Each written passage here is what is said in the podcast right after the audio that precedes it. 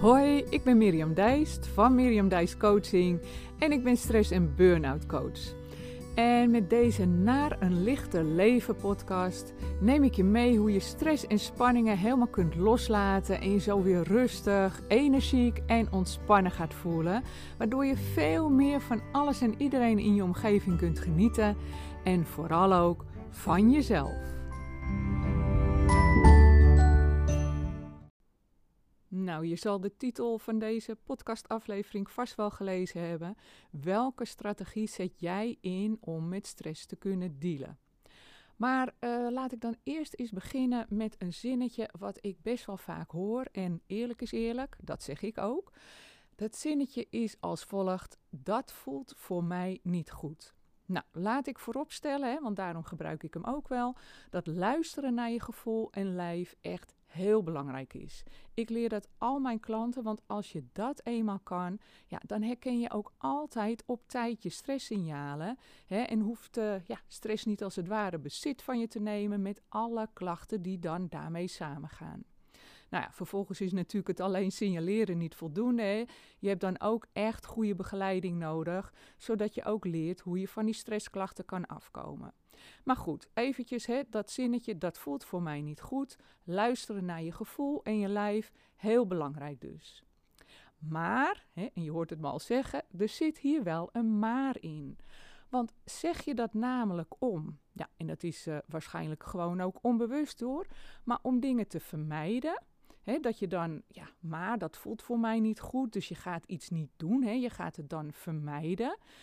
om eigenlijk niet met die ongemakkelijke en die ongewenste gevoelens in aanraking te komen. om daar daar dan niet mee geconfronteerd te worden. Ja, als je daarom zegt, dan is dat uiteindelijk niet echt handig om te doen. Of is dat, dat voelt voor mij niet goed, hè, en je gaat iets niet doen, echt gebaseerd op het juiste gevoel. Wat jij echt diep van binnenuit voelt, wat voor jou echt het beste is. En ja, dan heb je het eigenlijk over van wie je ook werkelijk als persoon bent. Dat dat bij je past, dat besluit. Dus wie je van nature bent.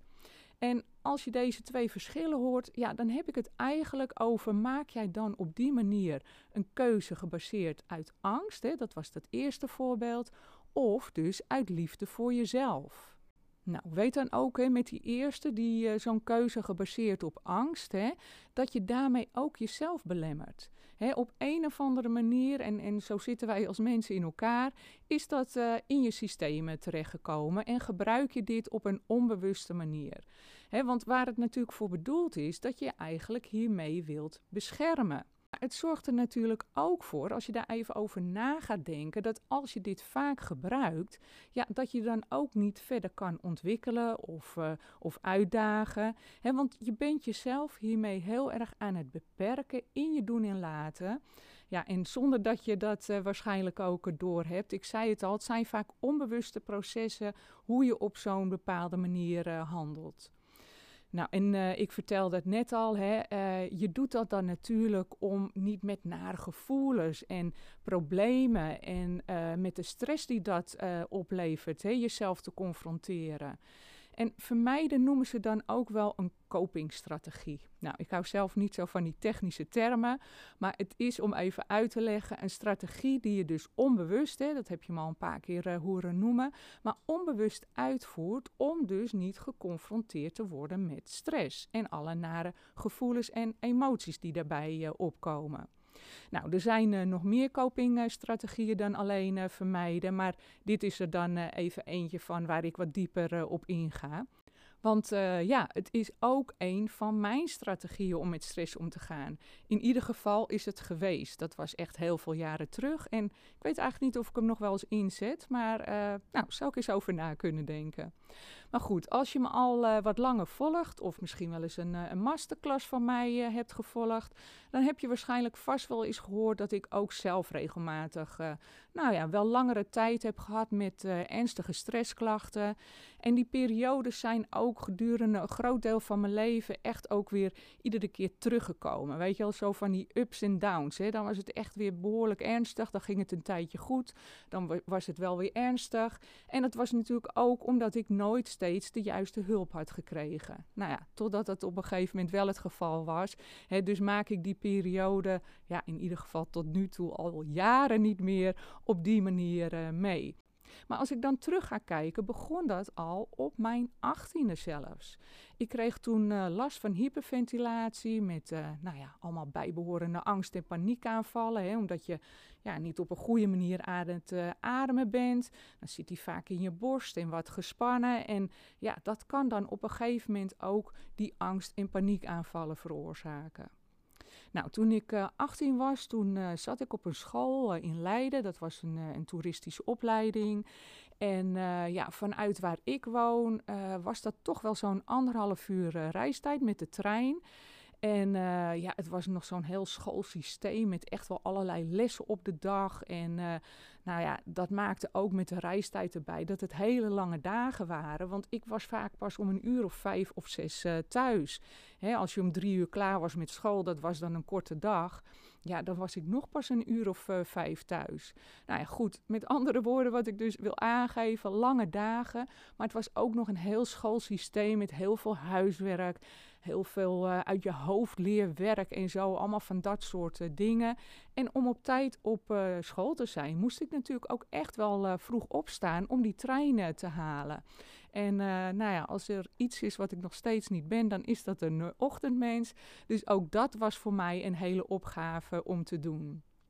Nou, en dat huiswerk, ja, ik weet nog wel, hè, omdat ik dan pas laat thuis was, gingen we eerst eten. Ja, ik zat er zo, nou, tot half tien, tien uur wel mee bezig. En vrij snel daarna ging ik dan weer uh, naar bed, omdat ik weer uh, mijn wekker heel vroeg uh, opstond.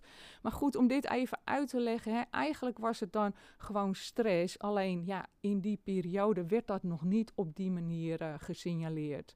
Hè, dan uh, ik, ik ja, had die klachten en kwam bij de huisartsen terecht. En uh, ja, dat was natuurlijk allemaal wel een beetje vreemd. En niet dat niemand daar last van had, maar ja, uh, mijn gedrag was dan ook een beetje vreemd dat ik zo reageerde.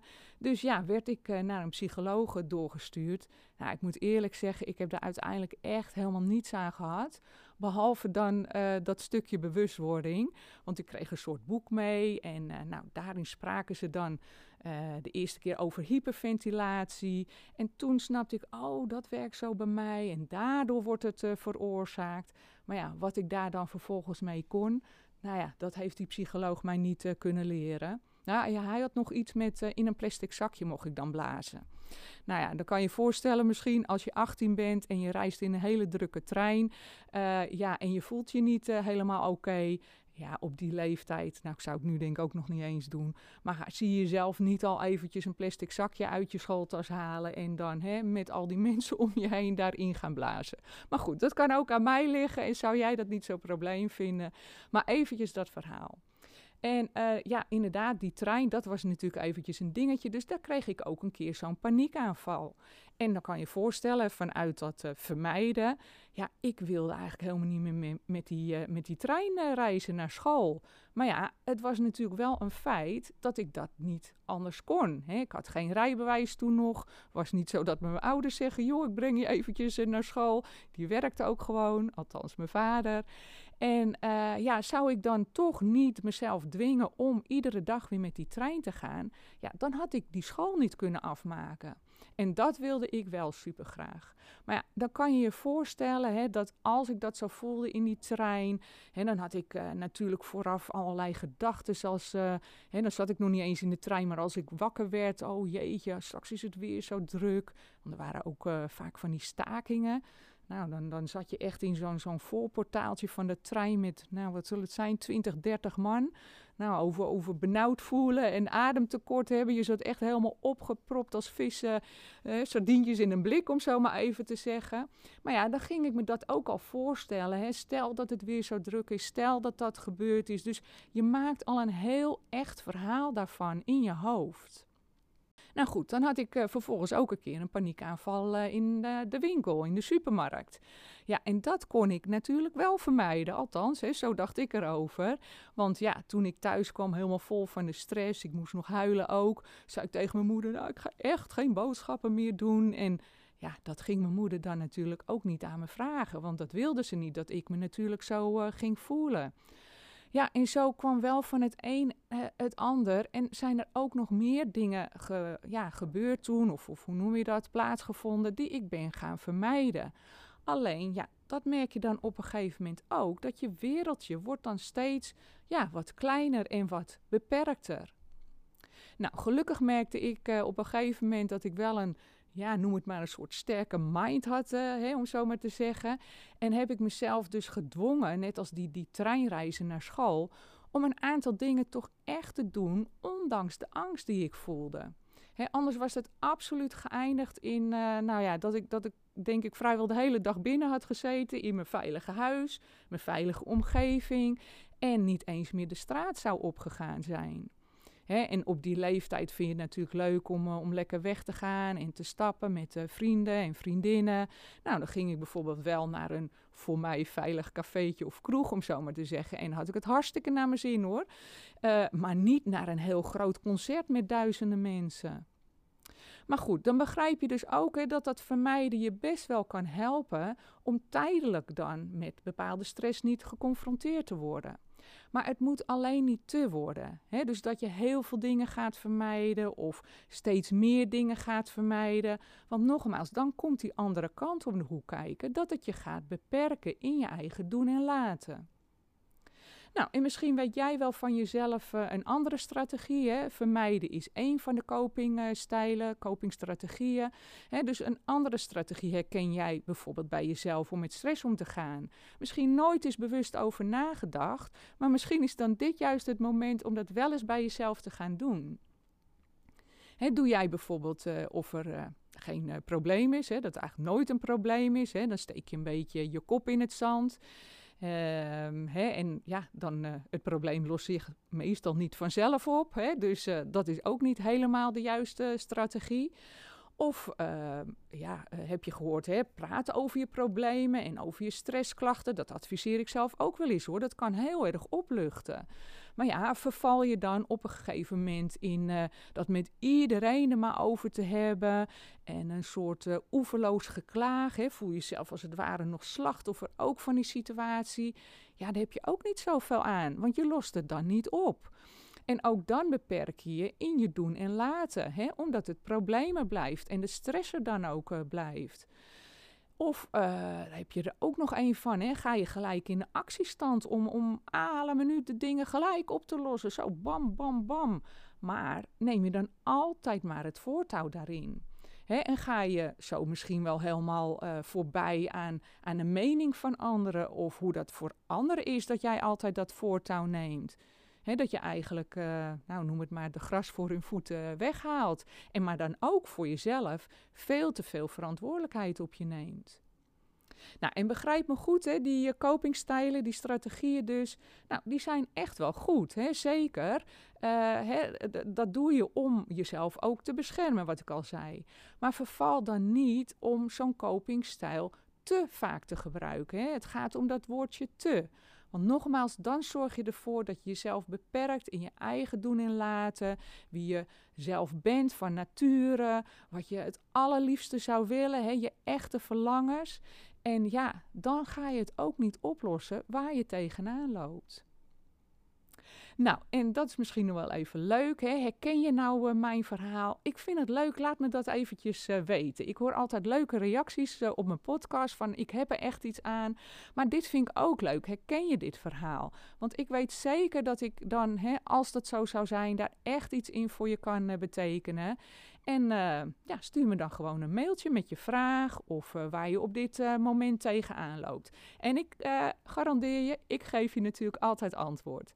Nou, mijn mailadres is heel eenvoudig. Mijn bedrijf heet Miriam Dijs Coaching.